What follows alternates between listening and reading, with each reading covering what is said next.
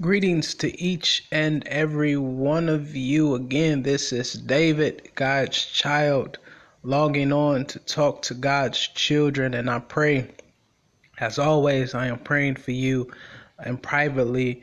And at times I post um, prayers in which I pray for you guys publicly, but I'm always um, sending my prayers up to God on your behalf, believing and trusting God to do something special in your life.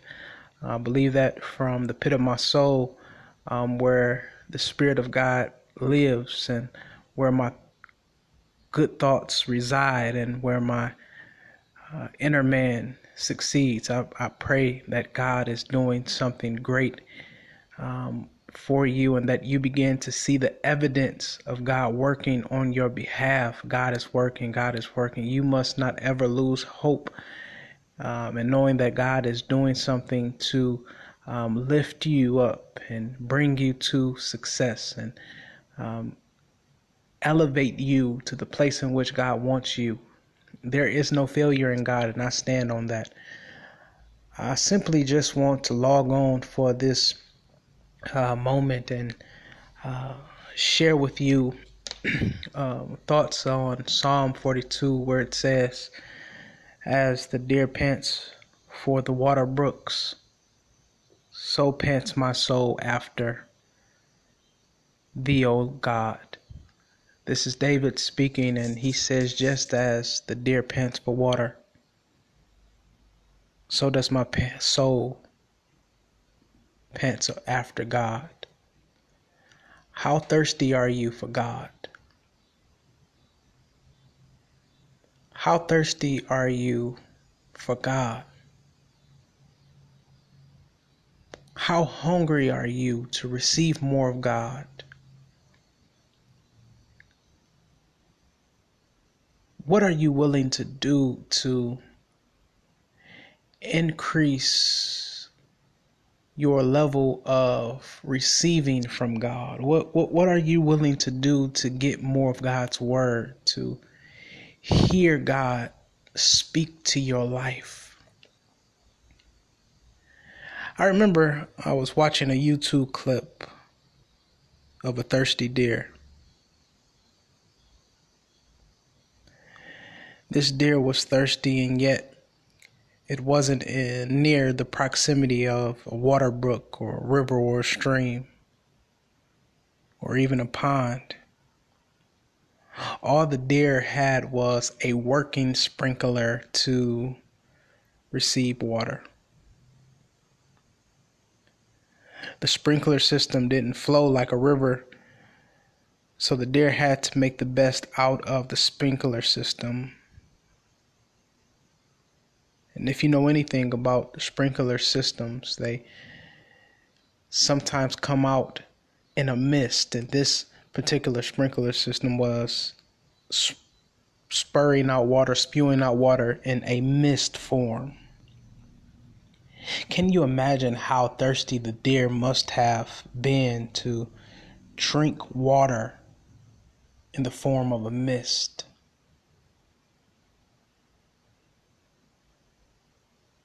One thing I noticed is that the deer it repositioned itself it repositioned itself to get the water that it needed, and it didn't care whether the water came from a river or a sprinkler system. It just repositioned himself to get as much water as it could get in order to preserve itself for another moment. What are you willing to do? How are you willing to reposition yourself to get the most out of God?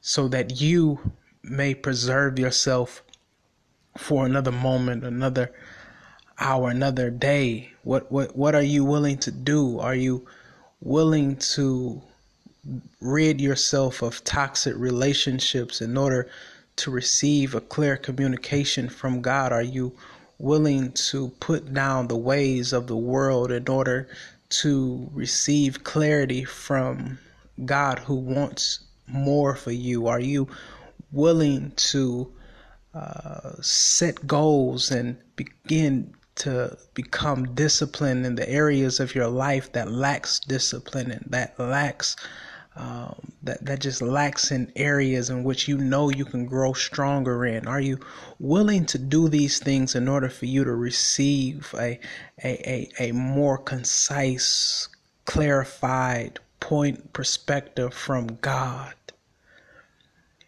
In a world where there's so much chaos going on, there's we, we, we go from home to work, from work to other social engagements and oftentimes we go from here to there and there to here, not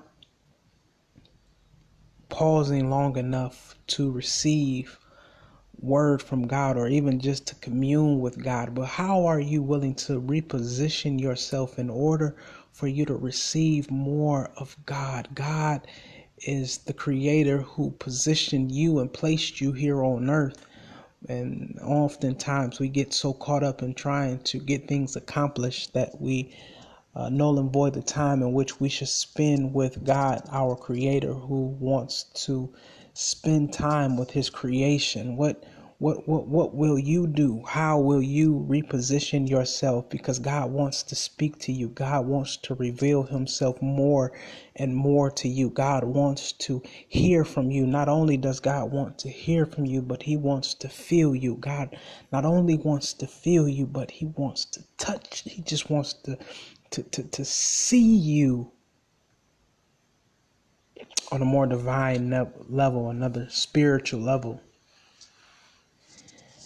Lot of times we move and we disconnect ourselves from our spiritual self, not understanding that the spiritual man is greater than the physical man. The physical man has the propensity to tarnish and diminish, but it's the spirit man who continues to grow. And if you cultivate and grow your spirit man, your spiritual man has the ability to do unimaginable things and you can accomplish way more in the spiritual realm than you can in this physical realm. As the deer pants for water, the thirsty deer, after being tired and needing something to uh, replenish his thirst, he goes to the water fountain. As men, as we are tarnishing and diminishing daily as we get weak, as we get weary, as we get tired, as the journey gets long and we find ourselves starving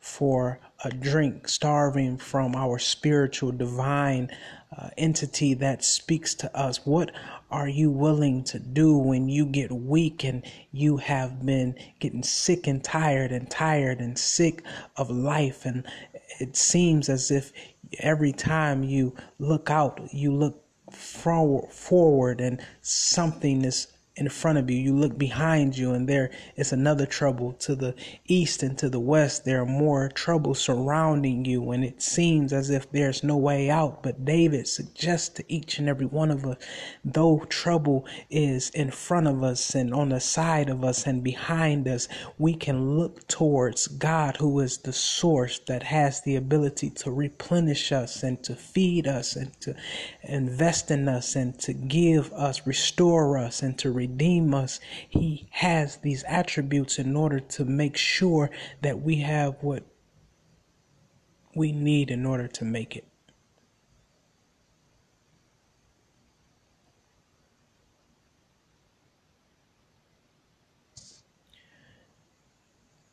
As the deer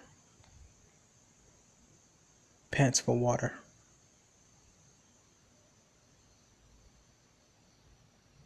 Pants my soul after. Oh God. You just need to stop right now and just say, God, I want more of you.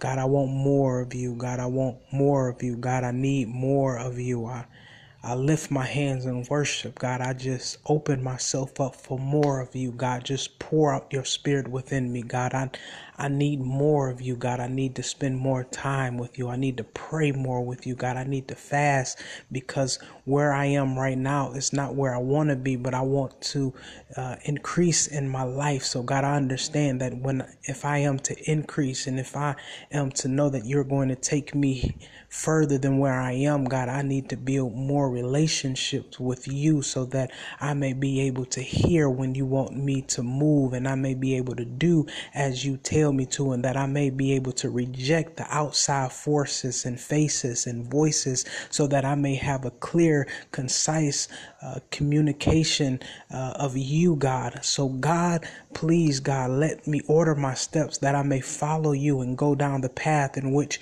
you want me to go down. As the deer seeks for more water, God, I want more of you. Pour yourself within this earthen vessel, God. Just fill me up until I overflow, God. Fill me up until uh, the anointing just runs over. God, bless me and bless me, God, and talk to me, God, and just pour out yourself into my flesh that I may do as you want me to do and that I am uh, proven to be acceptable in thine sight. My prayer is that somebody receives this and begins to build a relationship with God. And if you already have a relationship, it won't hurt for you to strengthen your relationship with God even more. Pray more, read His Word more. God reveals Himself through His Word. God reveals himself through devotion. You will see throughout the Bible many of those who spent found guilty of communing with God prayed a lot and fasted and they sang praises and they sung hymns and they read God's word. Take the time to separate yourself from distractions and Distractions come in a myriad of ways, but spend time with God. All right, you go in peace and go in love. Seek God.